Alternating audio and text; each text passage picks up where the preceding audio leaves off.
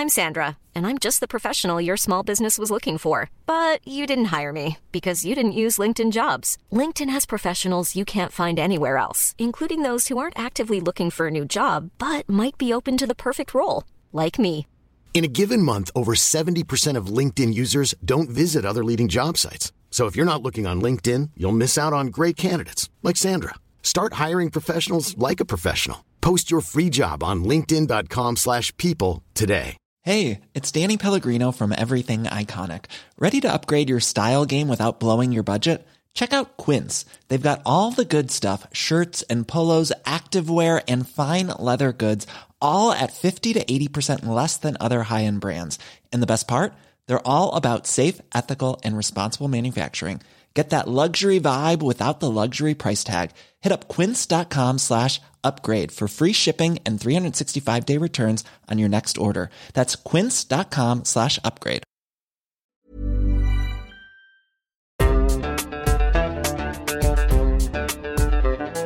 بودكاست صوت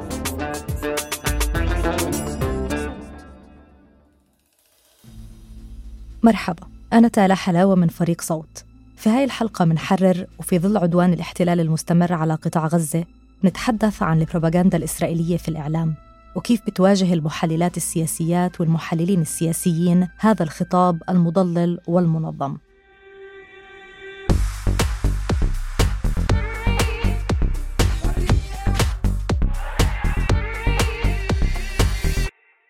برحب بضيفتي الإعلامية والمحللة السياسية نور عودة. أهلا وسهلا نور. شكرا على الاستضافة أهلا وسهلا فيك. يعني نور بداية لو بدنا نبلش حوارنا من تجربة شخصية ومدخل شخصي عم تعملي تقريبا باليوم مقابلة أو مقابلتين ممكن أكثر منذ بداية العدوان على قطاع غزة؟ كيف بتقيمي بشكل عام تجاوب الإعلام آه، مع المحللين السياسيين الفلسطينيين ومدى المساحة اللي عم يعطوكم إياها على الهواء؟ أنا الحقيقة يعني خاصة أول عشرة أيام في هاي الحرب كنت بعمل آه، ما لا يقل عن سبعة لعشر مقابلات كل يوم بالعربي وبالإنجليزي وبالإسباني أكثر باللغتين آه، الإنجليزي والإسباني. طبعا هذا إشي كتير كبير ولكن المساحة اللي بتنعطى لوجهة النظر الفلسطينية مقارنة مع التغطية وجهة النظر الإسرائيلية يعني في أحسن أحوالها بتكون عشرة بالمية. فأنت بتسمعي نص يعني ثلث ساعة من التغطية عن الألم الإسرائيلي والصدمة والفظائع والألم والدموع والمش عارف إيش. وبعدين بيجيكي أنت خمس دقائق.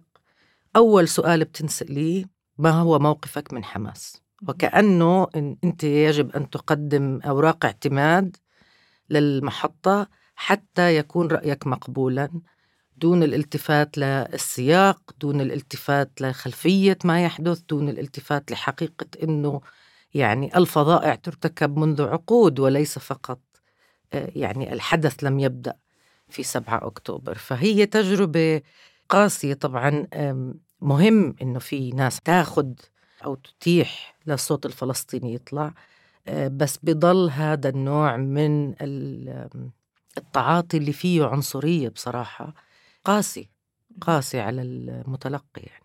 يعني نور قبل ما ننتقل كمان آه، للوضع العام هيك مرات بيكون عنا فضول إحنا كمان اللي بنشاهد الشاشات قديش العبء العاطفي عليكي وعلى المحللين والمحللات السياسيين بفلسطين اللي بنفس الوقت هم عندهم عائلاتهم وهمومهم الشخصية والآثار الحرب عليهم هم طبعا. كمان. وبذات الوقت بحاجة ل يتماسكوا ويتمالكوا أعصابهم ويطلعوا على الهواء يواجهوا هذا النوع من الأسئلة الاستفزازية كمان. فاحكي لنا شوي يعني كيف تتعاطي مع هاي المشاعر؟ هو مرهق كتير بصراحة.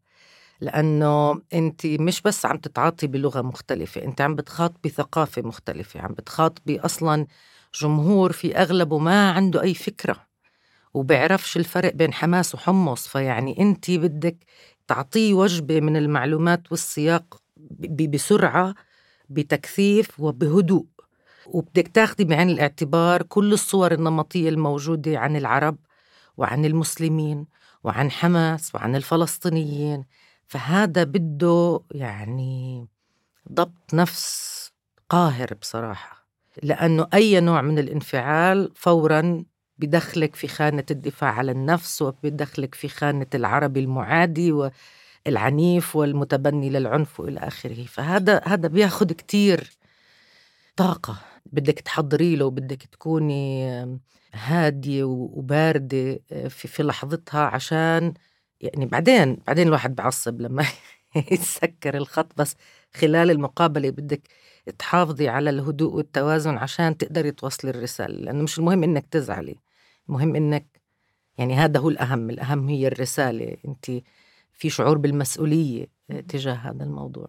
وزي ما حكيتي يعني إنه أساسا انت عم تطلع على وسائل إعلام هي عندها صور نمطية جاهزة عن آه، شعبنا وعن آه، إيش عم بيصير و يعني بأغلب الأوقات أصلا هم يعني بس من يعني شيء شكلي بيكون وجود المحلل السياسي الفلسطيني أو الجهة الفلسطينية.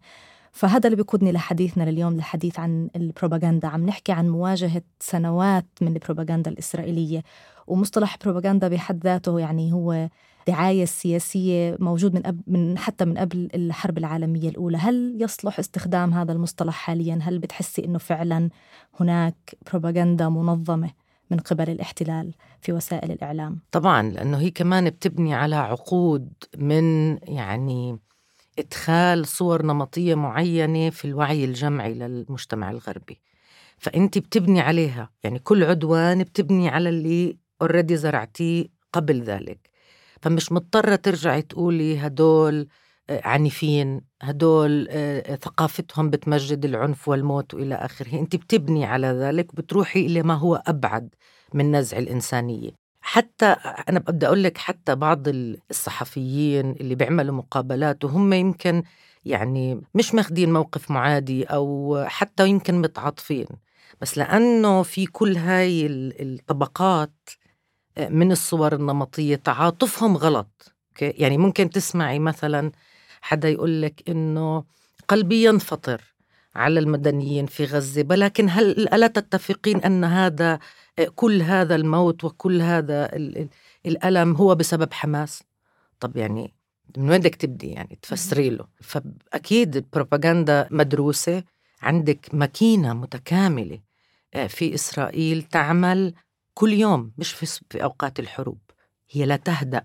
تعمل تشتغل بشكل مهني ومنهجي في إشي إحنا منشوفه في إشي إحنا ما منشوفه في آلاف من الجنود المجهولين اللي بيشتغلوا على وسائل التواصل الاجتماعي بأسماء مزيفة بعناوين مزيفة ممكن يبينوا إنهم عرب ممكن يبينوا إنهم مسلمين كلهم بيعززوا نفس الصورة. وإذا بتسمعي ضيوف الإسرائيليين أو المناصرين لإسرائيل بغض النظر رسميين أو غير رسميين بيحكوا نفس الكلام. نفس الرسائل ما بتختلف. فأنت مش ستيريو أنت يعني surround system كل جهة من بكل اللغات بتسمعي نفس الرسالة. هذا بترك أثر أثر كتير مهم. إحنا بالمقابل الرسالة الفلسطينية ما فيها آه، جهد توحيدي ما فيها تنسيق. يمكن في بعض منا زملاء وأصدقاء فإحنا بنحكي مع بعض اللي بنطلع على الإعلام الأجنبي وإحنا قلال وكله جهد فردي يعني مية بالمية. يعني, يعني على حساب حياتكم وصحتكم الشخصية كمان. آه هو أنت بدك خلص حياتك تكون on pause وبدك تفرغي حالك تماما. لهذا الموضوع لأنه إذا ما بتتبعي الأخبار وما بتتبعي كل إشي بنحكى ما بصير تطلعي على الإعلام. فأنت ما فيكي بس تعملي مقابلات أنت بدك تقضي كل نهار منغمسة في في ما يحدث. فهذا بصعب على الرسالة الفلسطينية توصل لأنه ما في ما في هاي الموجة الموحدة ما في هذا التشارك في في الرسائل ما في مين يكون عم بيشتغل ليل نهار بالسلم وبالحرب بالأيام العادية وبأيام المآسي. إنه يعزز هذا الصوت ما هذا مش موجود للأسف يعني في معلقين بيقولوا حتى على جهود حكومة الاحتلال بأنها جهود جبارة فيما فعلا. يتعلق بالعلاقات العامة فعلا. والبروباغندا وتخيل إنه هاي الجهود الجبارة هي عم توقع من جهتنا على عاتق أفراد م. فبرأيك كيف هل هناك أمل لتحسين هذا الوضع أو هل هناك طرق معينة آه، ممكن تتوحد فيها هاي الجهود ولا رح نضلنا بهذا المكان بسبب قلة الموارد وقلة التوجيه. لا شوفي هي مش قلة موارد. يعني الموضوع ما له علاقة بالموارد. الموضوع له علاقة بشغلتين. أولا أنه إحنا آه، واقعنا السياسي منقسم على ذاته وبالتالي رسائل مرات كتير بتكون هي لتعزيز طرف ما. وهذا يعني بصراحة أنا كفلسطينية لا يعنيني بشيء. ما يعنيني هو وأبناء شعبي. في قطاع غزة واللي بيصير لهم وأبناء شعبي في الضفة الغربية والتهجير الحاصل ويجب ربط الشغلتين مع بعض عشان الناس ما تنسى وما تتعامل مع غزة باعتبارها عالم منفصل. ففي عندك انقسام عندك رسائل السياسية لها علاقة بأنه كل واحد بده يزقف لجماعته وعندك عدم تقديم الكفاءة والخبرة بناء على ذلك. وفي كمان عدم تقدير للأهمية لأنه في كورس في كل جهة بزقف للي بيطلع يحكي عشان أبو فلان ينبسط منه مش عشان الجمهور الغربي يفهم عليه. كلها. طب أنا يعني أنا مش هاممني إنك أنت تبين. أنا ما بعني إشي لأولاد شعبنا إنك أنت تطلع وتبين بطل عند مسؤولك. مش هذا المطلوب. وإنك تحكي وتصرخ وتنفعل وتبين كأنك يعني نص مجنون على الشاشات الغربية. هذا ما ما بيخدم الرسالة الفلسطينية. إذا أنت مش فاهم الثقافة اللي عم بتخاطبها رجاء ما تخاطبها. فهذا هذا بصعب الوجود توحيد للجهد ووجود جهد منهجي مش إشي صعب. إشي بده عمل منهجي وعلمي ولكن مش إشي صعب. للأسف يعني أنا بحكي هذا الحكي وأنا إلي سنوات حاولت إنه هذا الإشي يكون موجود.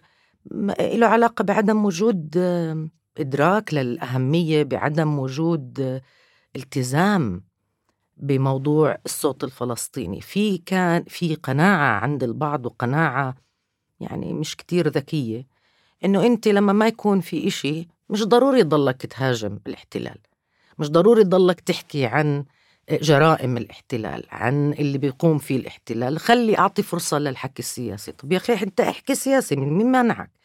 بس هذا مش معناته إنه أنت رسالة شعبك إنه هذا احتلال مستمر بيرتكب جرائم كل يوم. هذه ما لازم تروح مش لازم تتوقف. يعني لازم يكون العمل على كل الجبهات بالتوازي مية بالمية ومش لازم كلنا نتناغم مع الخط الرسمي أو الخط الحزبي. هذا مش مطلوب. يعني هذا كمان بقودني لو نطلع على الطرف آخر نور بالحديث عن الناطقين الإعلاميين والمتحدثين الرسميين. يعني حتى لما نطلع على الناطقين باسم جيش الاحتلال والمؤسسة الرسمية عند الاحتلال معظمهم من خلفيات عسكرية خاضعين لتدريبات يعني خرافية في عالم الإعلام والبروباغندا ومخاطبة الجماهير. كيف بتقارني العالمين؟ وكيف بتحسي كمان المساحة اللي عم ياخدوها على وسائل الإعلام العربية تحديدا ودخولهم للبيوت العربية وإعطائهم هاي المساحة؟ هل بتحسي في هامش من الإفادة ولا هو تأثير سلبي بشكل كامل؟ يعني شوفي استضافة ناطق باسم الجيش أنا ما بفهمها بالعربي. يعني مش قادرة ألاقي لها مبرر خبري. بقدر أنقل الخبر إنه قال متحدث باسم الجيش الاحتلال كذا. بس إني أعطيه مساحة يقعد يبرر وكذا عشان يمكن أدخل في مرماه جول و... وأورجي إنه أنا يعني حبهدله. أنا مش قادرة أشوف إنها إشي كتير آه، مهم.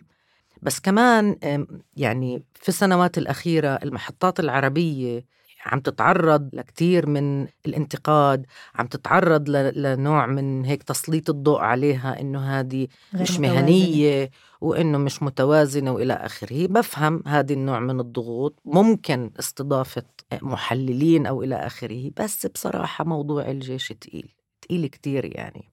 آه إنك تسمح له يتسلل بهاي الطريقة ويحكي وكأنه هو طرف يحق له تبرير أي شيء. يعني هو كل وجوده على بعضه كل ما يقوم فيه من أوله لآخره في أحسن الأحوال غير شرعي. هل بتعتبري أنه من الضروري أنه نجهز طواقم وناطقين إعلاميين يكون عندهم نفس القدرة أو يعني على الأقل محاولة لأنهم يكونوا هم أيضا وجه فلسطيني على الإعلام الغربي تحديدا والعربي كذلك م. هل ممكن هل في أمل أنه نكون في على نفس القدر من التواجد الإعلامي؟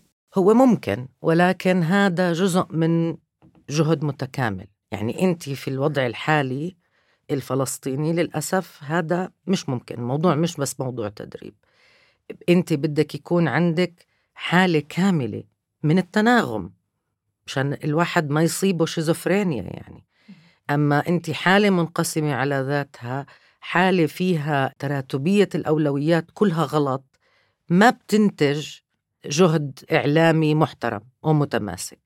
ولاحظي إنه الطرف الآخر لما بيقدم للإعلام الغربي مثلا ناطقين بيقدم لهم ناطقين بلغتهم يعني بيحكوا اللغة الأم تبعهم بتكون إنجليزي أو إسباني أو فرنسي. إحنا عنا نفس الشيء إحنا أبنائنا وبناتنا في كل العالم موجودين وحاملين شهادات وبيقدروا يحكوا. بس كمان مرة عشان تجندي هاي الطاقات وتقنعيها إنه أنت جزء من جهد يتحدث باسم الوطن بدك تكوني حالة سياسية متماسكة بده يكون عندك رؤية للحديث بالنيابة عن الوطن مش بالنيابة عن طرف دون آخر بغض النظر من هذا الطرف لأنه إحنا كمان يعني هي المشكلة مش في طرف واحد دون غيره. حالة الانقسام نفسها قسمت ظهرنا. يعني أنت بتواجهي الإعلام الغربي وبتصفي بنطلب منك تحكي بطريقة ما بتبرر سحق حماس مثلا حتى وإن اختلفتي منها معها سياسيا وفكريا. وهذا بدك تعمليه مش حبا حماس مثلا ولكن حبا في الشعب الفلسطيني في قضيتك. بتم مهاجمة السلطة.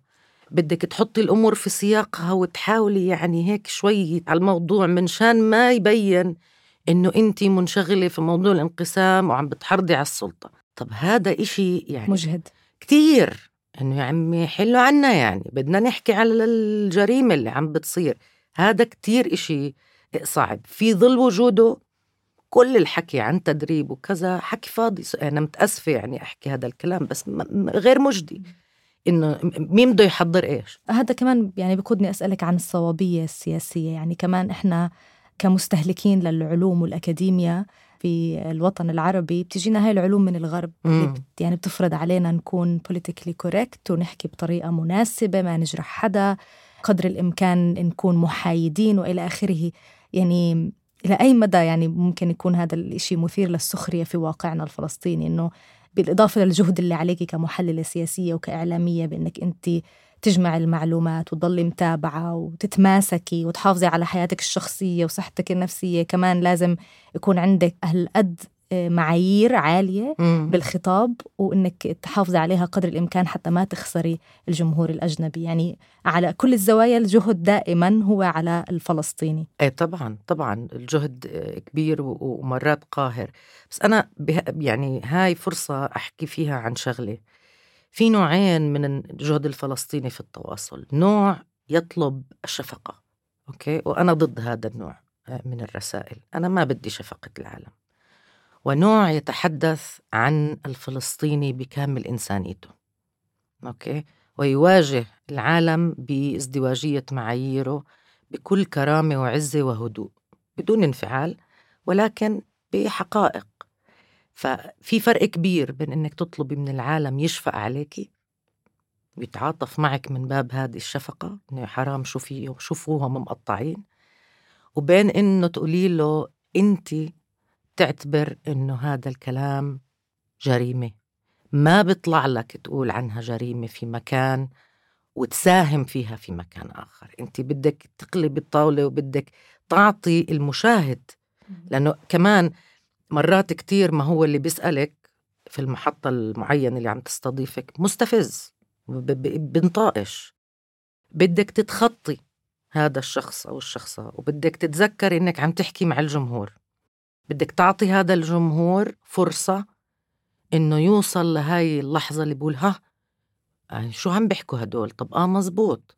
طب أنا هديك الشهر أنا تبرعت لأوكرانيا لأنه هم واقعين تحت الاحتلال. كيف يعني خالطين المواضيع ببعض وصفت إسرائيل وأوكرانيا بكفة والفلسطينيين والنازيين ما بزبطش. فأنت بدك دايما تتخطي هذا اللي عم بسألك ورا المايك وتحكي مع الناس. تحكي معهم عن هم شو already بيعملوا. فهذا كمان بتطلب منك إنك تكوني شوي مطلعة وعارفة كيف الأمور بتمشي في هاي البلد في هديك البلد. إن كانت أمريكا ولا بريطانيا ولا ألمانيا بدك كمان تعملي هوم ورك إضافي إنك تفهمي شوي عن السياسة الداخلية عن النقاش الداخلي عن شو قاعد بيصير عن تاريخهم. آه، عشان تعرفي توصلي رسائل بطريقة آه، مش بالضرورة آه، دغري تماما ولكن توصلهم بدون ما ما يحسوا إنه هم في حدا عم بهجم عليهم. بأكثر من مقابلة أجريتيها كنت تحطي المذيع أو المذيعة في خانة اليك. آه، يسألوا سؤال خارج السياق أو يطلبوا منك موقفك من من حماس كمحللة سياسية ب يعني بدون أي إدراك لمدى أصلا قيمة هذا الموقف بهلأ بحالة طبعاً. الحرب. هل بصير نقاشات تحت الهواء مع هؤلاء المذيعين والمذيعات؟ يعني هل بيعترفوا فعلا بإنه كان معك حق إنه أنت ما تجاوبي على هذا السؤال أو إنك بين قوسين يعني تفهميهم غلطهم؟ هل في تجاوب ولا خلص بتنتهي العلاقة مع انتهاء الهوى لا يعني في كتير من هالمحطات بترجع بتطلب مقابلات. ما ما صار نقاش حول هذا السؤال. في مرة أجروا معي يعني زي interview قبل ال interview محطة أوروبية وإنه بدها تجهز يعني ال producer فقالت لي هذا السؤال قلت لها شوفي أنا مش حجاوب على هذا السؤال لأنه يعني أنا يعني ما بصير تسأليني إياه. بس أنا من هلأ بحذرك إذا بتسأليني بتسألوني إياه على الهواء حبهدلكم وما رح يعني ما رح أتخطى هذا السؤال وأمرق لكم إياه. قالت لي فير ما سألتوش. احترمت حالها يعني بالآخر. إيه، بس هو حتى بدون باللاوعي تبعهم. عندهم انحيازاتهم الجاهزة هم يعني. آه هم شايفين حالهم من ضمن هدول القتلى. طبعا في مواطنين أوروبيين من ضمن هدول القتلى وبالتالي يعني هم كمان جمهورهم منفعل تجاه هذا الموضوع. بالنسبة لهم أخذ رهائن يعني بفكروا بداعش بفكروا في بوكو حرام. يعني موضوع في الوعي الجمعي تبعهم صعب. فأنت بدك تاخذي هذا الكلام كمان. غير طبعا فوقيتهم إنه هم حياتهم أثمن من حياة ال شوفي ما حدا بيعترف لك يعني ما حدا بقول لك أنا هيك آه، رأيي. وفي كتير ناس مش بالضرورة يكونوا منتبهين إنه هم هيك شعورهم يعني عرفتي كيف؟ بس بدك تاخذي هذا الحكي بعين الاعتبار. بدك تعرفي إنه هو أو هي جزء من جمهورهم متأثر بهاي القصة. ممكن يكون في له آه، حدا آه، حاليا محتجز في قطاع غزة أو قتل. في 7 آه، أكتوبر. ف يعني بين السطور وفي ثنايا الإجابة بدك تحاولي توضحي هذا الموضوع بدون ما تدخلي في خانة الدفاع عن النفس أو التبرير كمان. لأنه إحنا كمان مطلوب منا نكون متسقين مع أنفسنا.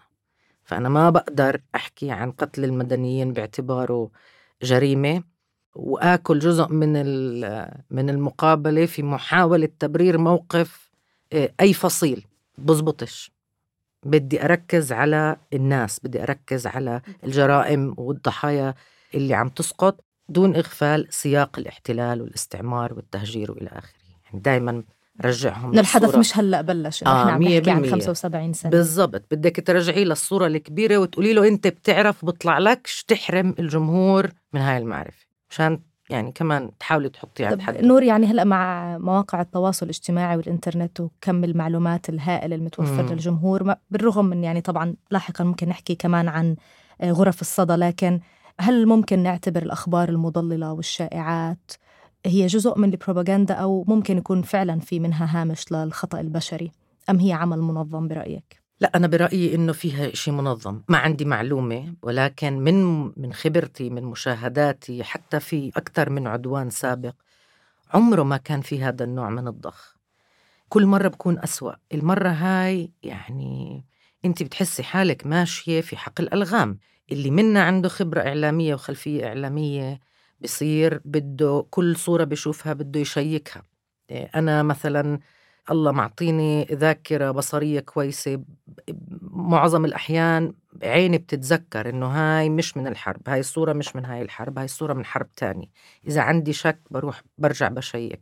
إمبارح مثلا صور القصف على قطاع غزة اللي انتشرت نشرها كل الإعلام ما كانت من إمبارح الفيديو. هلا okay هو كان فيديو زي ما بنقول بالإنجليزي representative يعني ببين بالضبط بيمثل الحالة بس هو ما كان من امبارح. بس كلنا وقعنا بالفخ. هلا أنا مثلا على صفحتي قلت إنه أنا في مين نبهني إنه آه هذا يعني من أول أيام الحرب وإذا كان كذلك فأنا بعتذر ولكن أنا عم بشاهد الصور live وبالتالي بطلب منكم تعتبروا هذا الفيديو يعني مقاربة لما يحدث الآن لأنه ما يحدث آه، كبير. عشان أحافظ كمان على يعني ثقة الناس في اللي بقوله. بس في في ضخ بطريقه كتير مرعبة. آه، في ضخ آه، معلومات بتحدث النقاش بيروح لمحل ما له علاقة في الدنيا. زي زي نقاش إنه مين اللي قصف المستشفى؟ يعني مثلاً. بطل الموضوع الضحايا آه. بطل الموضوع ولهذا تكتيك إسرائيلي يعني معهود. وحتى يعني قضية قتل الأطفال والرضع هذا هذا آه يعني هذا كان يعني كابوس. يعني كل العالم مفروض صار عارف إنه هاي آه ما زال يردد. وإنت أمام هذا الموضوع ما فيك تقفزي عنه. تقولي لهم يثبت. ما فيش يثبت. هذا بيقول لك 40 طفل تم قطع رؤوسهم بدك توقفي وبدك تحطي رجلك بالحيط وبدك تقولي له آه لا وكذا و... لأنه الصورة يعني إنت شيلي شيلي كلمة فلسطين وحماس من الجملة. مروعه الصورة بحد ذاتها يعني لا تحتمل. فما فيك تتخطيها. بس مثلا اليوم أنا شفت في إحدى المجموعات عم بتداولوا صورة لترك إنه من تركات المساعدات وبيفتحوه بلاقوه فاضي. اولا الصورة هاي عمرها سنوات. وكانت في حينه برضه غير دقيقة. فتخيلي إنه بده يكون في جهد ووقت آه، بدك تصرفيه عشان توصلي للناس إنه يا عمي هاي صورة مش من هلأ. شو فايدة هلأ إنك أنت تهاجم اللي عم بيساعدك؟ ليش؟ إشي كتير مضني ومش بريء. لكن نور بعد ما يتم الكشف عن الخبر المضلل والبروباغندا كيف ممكن المتحدثين الفلسطينيين يبنوا على آه، هاي الأحداث آه، من خلال المقابلات اللي عم بيجروها على الإعلام الأجنبي والإعلام العربي كذلك؟ أنا بنتمي لمدرسة بتقول استغل كل ثانية فبدك تكون استراتيجي. في مرات آه، في سياق في بعض الأجوبة بيسمح لك تحكي عن التضليل المنظم فبتمرق هاي الرسالة إذا ما حدا حكى فيها. هلأ إذا في ضيف من الطرف الآخر بيحكي عنها لا بدك بدك توقف وتحكي. إذا ما انحكى فيها بدك تركز على الأهم وتجيب اللي بيخدم هاي الرسالة في السياق.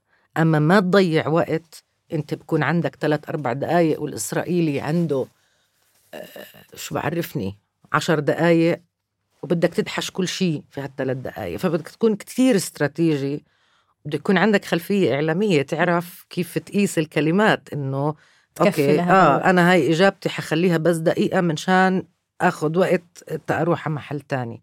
آه، فبدها بدها كتير تفكير. برأيك نور المصطلح echo chambers أو مم. آه، غرف الصدى واللي هو مصطلح آه، إعلامي بيحكي لنا عن كيف إحنا كمان كجمهور بنصير نسمع الأصوات المتشابهة بنسمع الناس اللي بتحكي رأي بيشبه رأينا وتوجهاتنا. آه، لأي مدى عم نتأثر فيه حاليا؟ يعني آه، في كتير كلام متفائل عن تغيير في الخطاب الغربي ونظرته لنا هل هو فعلا شيء متفائل ولا إحنا عم نسمع صدى غرفنا؟ يعني شوي من هون وشوي من هون. اللي بده يشتغل في هذا المجال لازم يفرض على حاله يسمع مش آه، mono بده يسمع ستيريو بده يسمع من الكل. حتى ولو بتوجع مصارينه. ما ما عنده يعني خيارات. فبدك تسمع شو شو الإسرائيلي عم بيحكي بدك تسمع شو الأمريكان عم بيحكوا. هل هناك تغيير في المواقف خاصة الشعبية؟ آه في تغيير مهم وتغيير رح يكون له أثر بعيد المدى. لما بتطلع على استطلاعات الرأي شو بتقولك؟ بتقولك إنه الرأي العام الشاب وهذا معناته إنه أنت لقدام سنوات لقدام معاكي مناصر لحقوقك.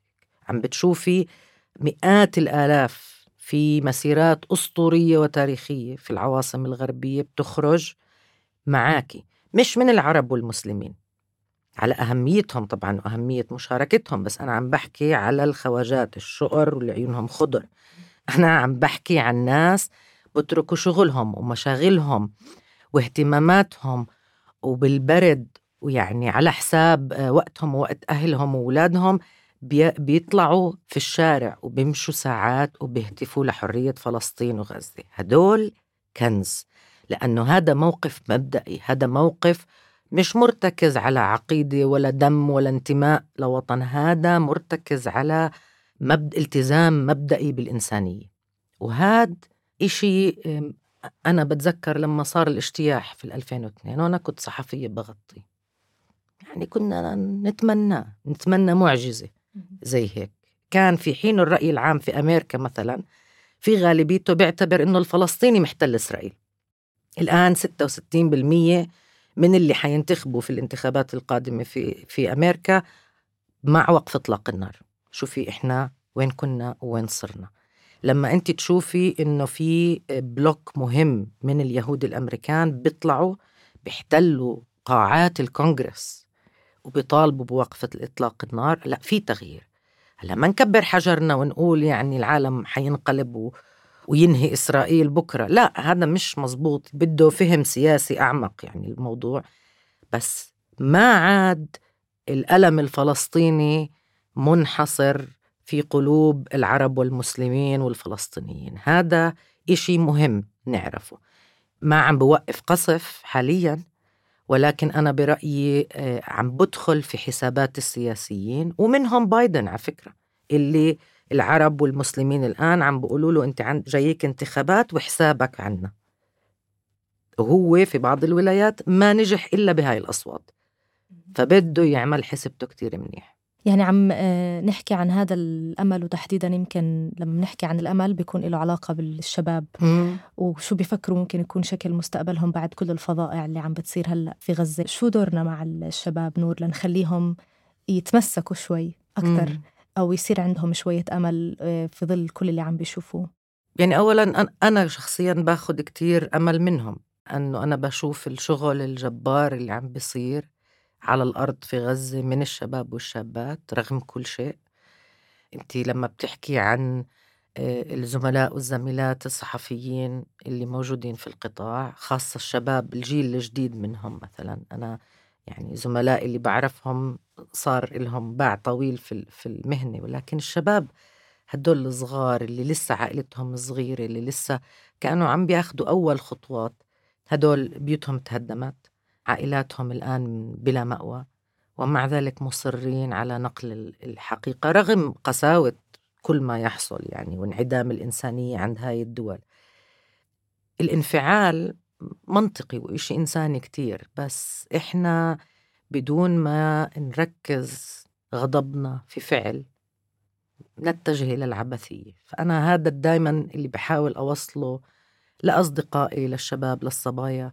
وين ما كان في غزة في الضفة حتى في الشتات. إنه اغضب أوكي أنا معك كلنا غضبانين. بس ما تكتفي بالغضب الغضب ما بغير شيء الغضب بياكلك أنت لحالك. ترجم هذا الغضب لفعل اعمل إشي. إن كان هذا الإشي إنك تكتب إن كان هذا الإشي إنك تروح توقف عباب عضو البرلمان تبعك في الدولة اللي أنت فيها في الشتات وتضلك وراء أو وراها ليحكوا يتبنوا موقف محترم. وهكذا. أما نغضب وننقهر ونلطم هاد ما بودينا لمحل. القهر لحاله ما ما بغير شيء. ما بدنا حدا بس ينقهر ويبكي على اللي استشهدوا. إحنا بدنا الناس تنتصر للي ما زالوا أحياء. يعني آه، بالانتقال يمكن آه، لسياق آخر بس أكيد مش بعيد اللي هي مواقع التواصل الاجتماعي نور. آه، عم نحكي حرفيا عن ساحة حرب موازية عم نحكي عن أموال تضخ بالمليارات يمكن آه. مش بالملايين يعني حتى امبارح كنت عم بتابع صحفية بريطانية اسمها صوفيا جيلر وعملت متابعة لمدة أسبوع على إعلانات جوجل من الحكومة الإسرائيلية مم. واللي كمان حكت في تعليقها على هاي الإعلانات اللي آه، تقدر حوالي ب 7 مليون دولار قيمتها إنه حتى في منها صور تعتبر جرافيك يعني وهي مخالفة للمعايير لجوجل للإعلانات نعم. ومع ذلك عم تظهر على يوتيوب وعلى جوجل.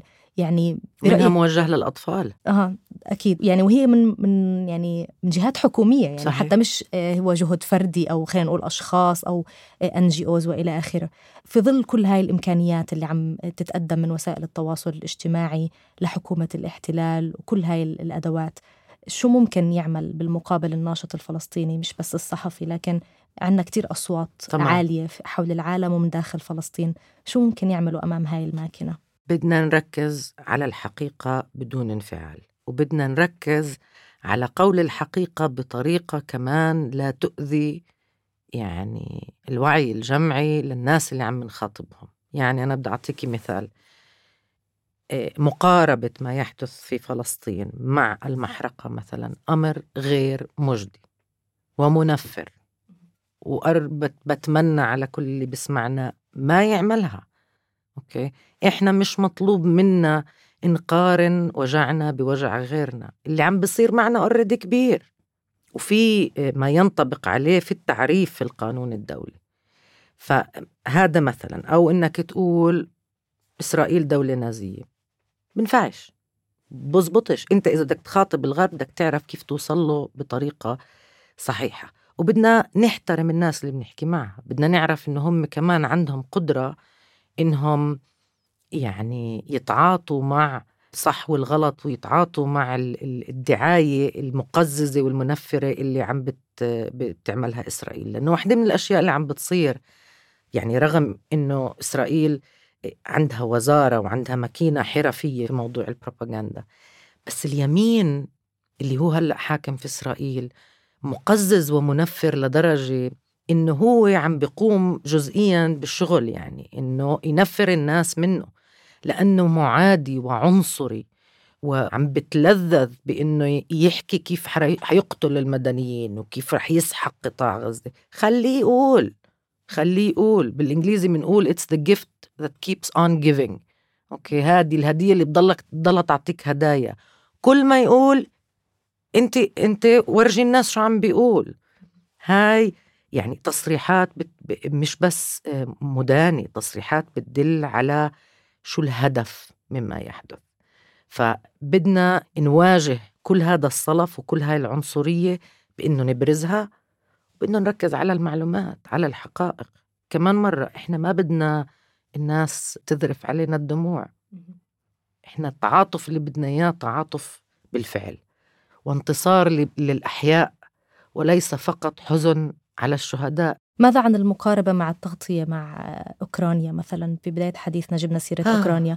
يعني عم عم نحكي عن آه، هاي المقارنات والمقاربات طول الوقت. قديش مفيد استخدامها؟ آه، نور.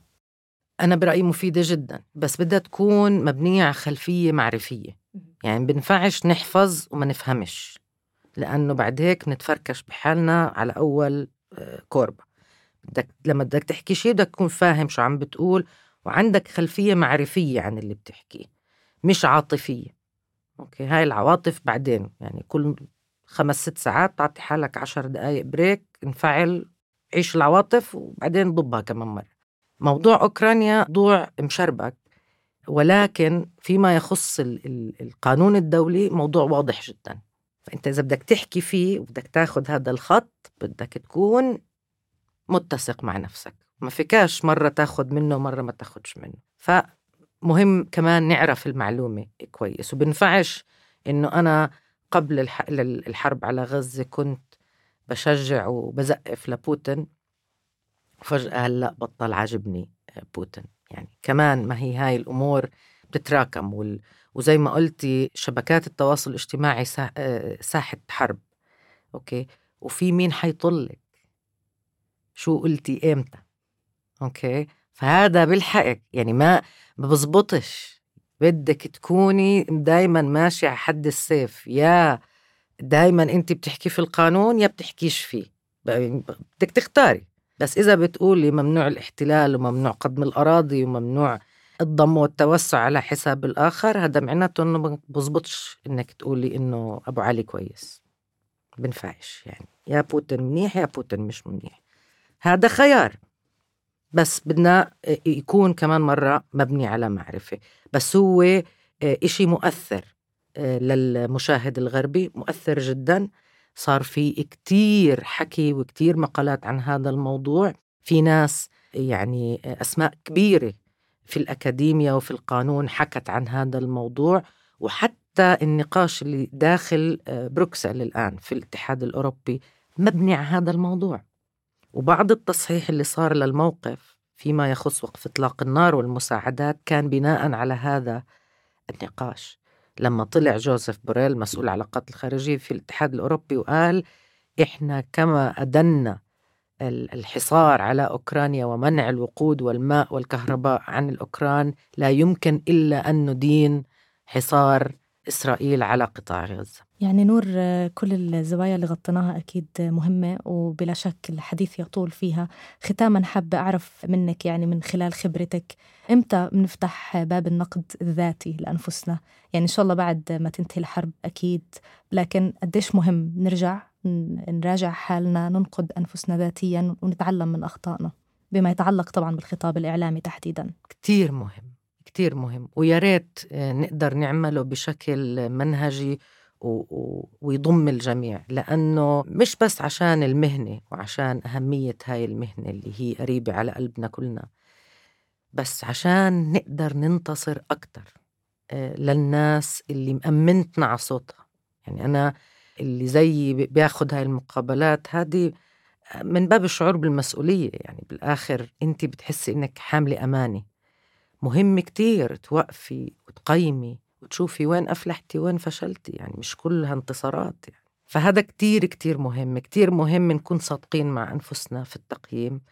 ورح يكون هذه الحرب رح يكون في لها جردة حساب طويلة يعني منها موضوع الإعلام آه، ولن تقتصر على ذلك. هل عندك توصيات آه، محددة للناس يعني اللي عم بيظهروا كتير على الإعلام سواء بصفتهم الصحفية أو كناشطين سياسيين؟ يعني بالإضافة للنقد الذاتي وأنه الواحد هو يحاسب نفسه لكن هل ممكن يكون في شيء جماعي بين آه، هاي الأصوات يعني اللي سمعناها وتكررت فيها الوجوه؟ شوف أهم إشي إنه نحافظ على هدوءنا هذه المقابلات ندخلها بهدوء وبرود بدون انفعال حتى نحافظ على توازننا. هي الفكرة مش إنه أنا بديش أخوف الآخر. الفكرة أن أنا ما بدي أسمح لسؤال يستفزني بحيث أني أفقد توازني أفقد قدرتي على إيصال الرسالة. مهم نسمع المقابلة تبعنا بعد ما نعملها عشان نسمع إذا وصلت للآخر مش لإلنا. يعني مش مهم أنا أكون مبسوطة المهم إيش الآخر؟ إيش اللي ما بيعرف كفاية عن قضيتي فهم من هاي المقابلة؟ ما أفترض إنه في كم معرفي هو في الحقيقة غير موجود وما أفترض كمان إنه في عدائية مش بالضرورة موجودة يعني. فالتقييم المستمر إنه نسمع الآخرين شو عم بيقولوا كمان مهم. يعني إحنا مش كتار عم نكتر بس مش كتار اللي بيحكوا مع العالم الغربي. مهم نضلنا نسمع لبعض. نسمع هاي المقابلات نتعلم من بعض منعزز رسائل بعض آه، وين في توافق آه، وقديش مهم لاحقا نور إنكم يعني يصير في زي شبه تنظيم لهاي الجهود أو إنه تقييم جماعي لهاي الجهود؟ ما يكون الواحد بس عم يسمع لحاله لتقييم ي... الأفراد اللي حواليه آه بالعادة بحمسوه آه يعني. طبعا. يا ريت يا ريت هذا الحكي. يعني في كتير ناس أنا يعني في هاي الحرب أو في حروب أخرى تعرفت عليها بهاي الطريقة إنه شفت لهم مقابلة سمعوا لي مقابلة إلى آخره. في منا بنضلنا نتواصل مع بعض في منا بيرجعوا لحياتهم يعني هم ما لهم علاقة بالإعلام وبالكذا بس هم تجندوا لأجل الانتصار ل يعني. للقضية. نفسها. وهم في الحقيقة ما إلهم يعني. بس آه طبعا مهم يا ريت يكون في تنسيق وجهد أكبر ويا ريت يا ريت هذه الحرب تعلمنا قديش عيب يستمر حالنا على ما هو عليه ويضل مقسوم ظهرنا اللي منا بحاول ينتصر لإنسانية الفلسطيني بإنه نضلنا نتعاير أو ينطلب منا موقف بين الفرقاء من الأطراف السياسية الفلسطينية. مش ما يعني مش بس عيب عار بصراحة أمام كل هذه المعاناة إنه هذا كمان يكون عبء على على صدرنا إنه يضيع جهد ووقت وإحنا نقعد نلزق الصورة الفلسطينية مع بعض لأنه السياسيين مش عارفين آه، يخلصونا من هالانقسام. أكيد. شكرا كتير نور على كل هاي المعلومات وعلى وقتك. إحنا عارفين يعني إنه أكيد الظروف صعبة وبنشكرك على جهودك. شكرا لك كنت معنا الإعلامية والمحللة السياسية نور عودة. شكرا لك. شكرا. شكرا على الاستضافة. يعطيك العافية. هاي الحلقة بحث وإعداد رند خضر. التصميم الصوتي لحسام علي. وكنت معكم من الإنتاج والتقديم تالا حلاوة. ما تنسوا تشتركوا في قناة حرر على تطبيقات الموسيقى والبودكاست اللي بتحبوها حتى توصلكم تنبيهات بالحلقات الجديدة. بودكاست حرر من إنتاج صوت.